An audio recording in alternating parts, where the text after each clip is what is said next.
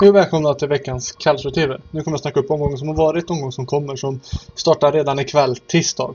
Under fredagen så möttes Kiev och Calgary där jag inte trodde precis på 3-0 till bortalaget Calgary. Men Calgary är ett väldigt bra match igenom trots att Kiev har sina chanser. Eh, Nicke Stolpen bland annat. Eh, Calgary och Kragno, målvakten, var väldigt, väldigt bra. Och det kunde nog varit Kievos sista chans att greppa tag om att ha en liten, liten chans att klara sig kvar i Serie A.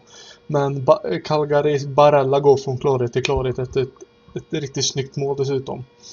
Under lördagen så var det Udinese Genoa där hemmalaget Udinese vann med 2-0.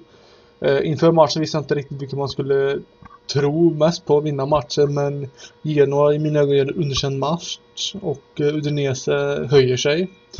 Eh, omgångens mål av Mandragora tror jag.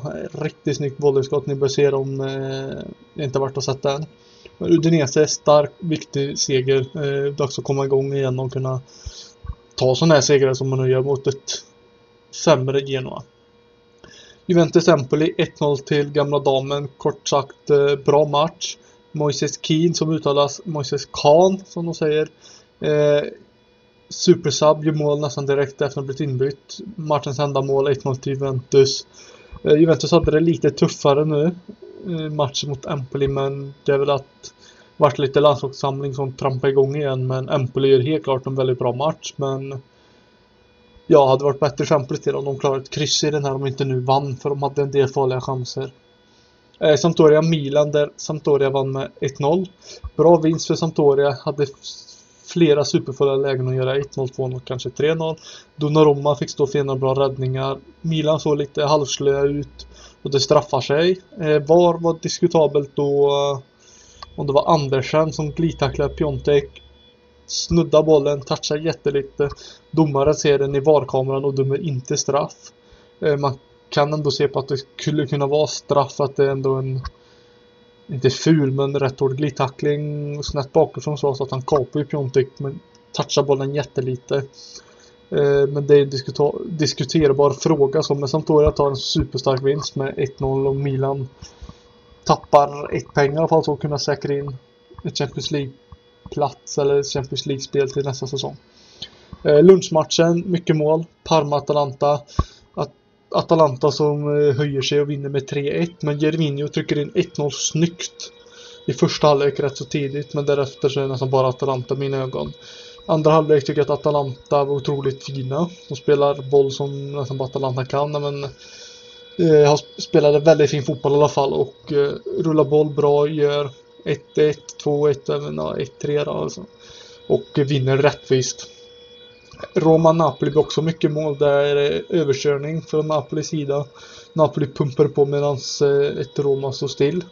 Eh, typiskt Roma-försvar i den här matchen. Eh, tycker ändå att Olsens kritik är nästan lite för mycket. Personen tycker att han får får personligen mycket skit. Eh, allt kan inte skyllas på honom för att eh, hela Roma har spelat skit på sistone samtidigt som när alla målvakter är lite svackor och så hamnar de självklart i fokus men själv tycker jag att han har varit stabil under hela höstsäsongen in till december då hela Roma började dippa i stort sett. Eh, men det kanske är dags för Femirante att hoppa in och låta Olsen stå över i match eller två.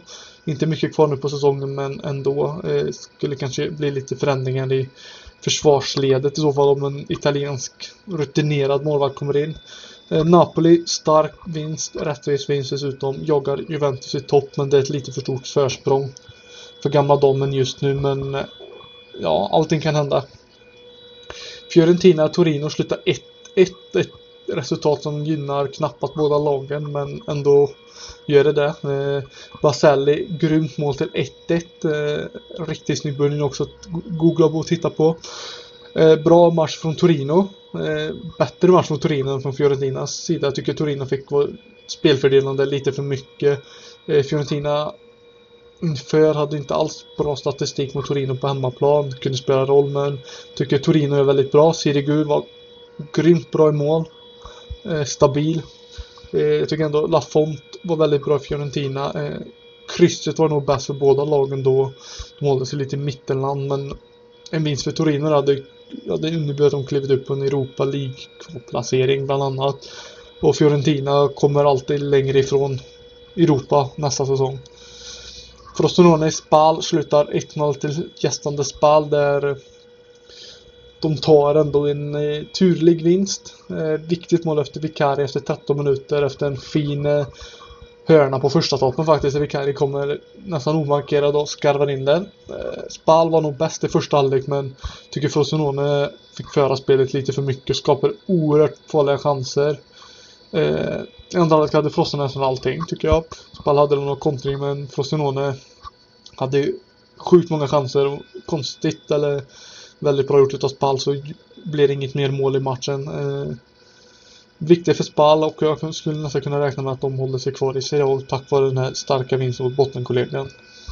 Sen har vi Bologna Sassuolo där var väldigt bra match utav Bologna. Mindre bra inledning men eh, Sassuolo gör 1-0. Därav rycker sig Bologna upp och hinner 1-1 och 2-1. Sassuolo spelar bra men det är inte alls på samma nivå som i höstas och därav tror jag att de tappar det defensiva om man ska säga. Eh, men nu bara gäller för Sassuolo att trampa igång igen. De har egentligen chans på att åka ut, man räknar mat matematiskt talat. Det är Christian Borrello och Tony Bacci har snackat om det, liksom att de kan ändå hamna, de har väldigt dålig form just nu, men jag tror de kommer rycka upp sig och det är ett måste annars. Kanske inte De Serbi är lika het på marknaden inför nästa säsong som tränare, kanske något större lag. Eh, omgångens sista match var Inter-Lazio under söndagskvällen. Eh, stormatchen som inte blev riktigt lika stor som jag hade hoppats på. Tycker att det var en bra match, men det fattades någonting genom de här 90 minuterna. Eh, Lazio hade egentligen bara tre riktigt farliga chanser. Nu gör 1-0 på ett utav dem. Utav ett bra inlägg, men kanske lite dåligt försvarsspel eller markeringsspel från Inters sida. Inter hade aningen mer boll än vad man eh, ja, kanske än vad jag trodde de skulle få ha ändå. Eh, men eh, de kunde inte förvalta på chanserna, de kunde inte förvalta med bollinnehavet eh, mot ett väldigt bra Lazios Lazio kompakt försvar tyckte Tittar man hur Lazios Alltså hela lagbygget, hela lagdelarna rörde sig sånt så fick inte Inter alls många chanser. De fick väldigt mycket inlägg, inläggschanser och sånt men mot en Keita Balde så nej, det går inte bara lyfta inlägg på inlägg på inlägg. Kandreva tyckte jag, när han blev inbytt var han bedrövlig. Det var fler som tyckte det, men han gjorde nästan ingenting på plan.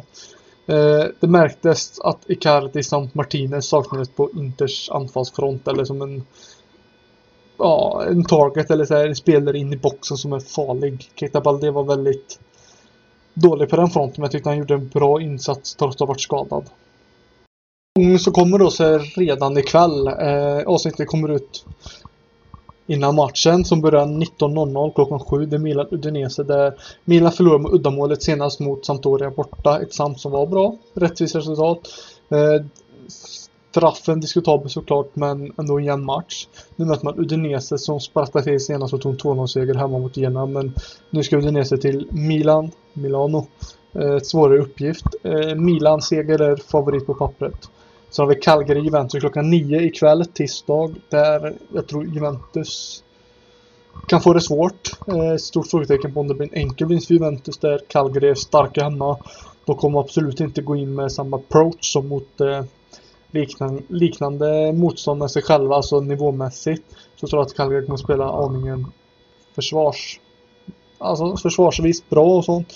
Eh, Calgary har bra form, form och bra flyt Juventus hade det tuffare hemma senast mot Empoli. Och jag ser att Calgary borta är en, en tuffare uppgift än just Empoli hemma. Men intressant match och återstår att se hur eh, Juventus går till den här matchen om eh, Moises Kahn får starta eller inte. Så har vi matcher på onsdag där först ut är Empoli-Napoli. Empoli förlorade tappert mot ett Juventus som var bra, men Empoli var också även bra var bra matchen igenom, hade farliga chanser men gjorde inte mål. Napoli körde över Roma på bortaplan med 4-1 senast och skulle kunna tro att man tar, ett, tar en sån här seger mot Empoli som, som ändå har vind i seglen så tror jag att eh, Napoli är snäppet vassare och därav vinner.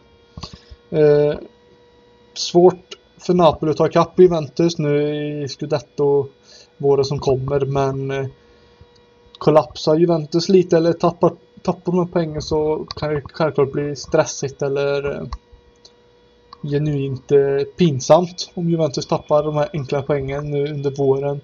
Eh, Napoli tror jag tar ändå en rätt eh, enkel vinst mot Empoli. Roma-Fiorentina. Jag tror att Roma kommer nog gå in i mötet med försiktighet. Visst, det är hemmaplan. Men senast då förlorar man ju nu mot Napoli hemma med 1-4. Mot Fiorentina förlorade man 7-1 i Coppa Italia en överkörning utan dess like. Nu kommer Fiorentina med en aningen sämre form, skadad Chiesa. Medan Roma har tre startspelare borta i Manolas, Lorenzo Pellegrini, eh, ja, Florenzi bland annat.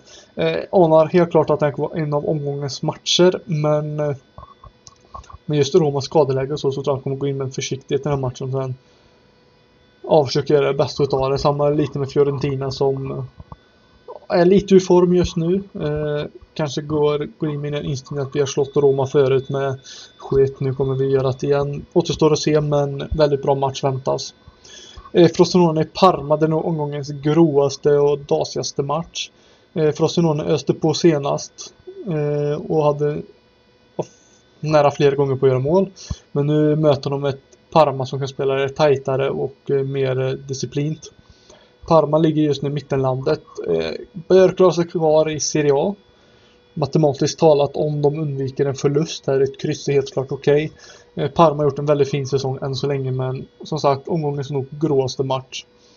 Genoa Inter ändå en lite spännande match. Genoa är lite i form och komma igång offensivt mot ett Inter som har gått ut och sagt officiellt att Icardi kommer start mot Genoa.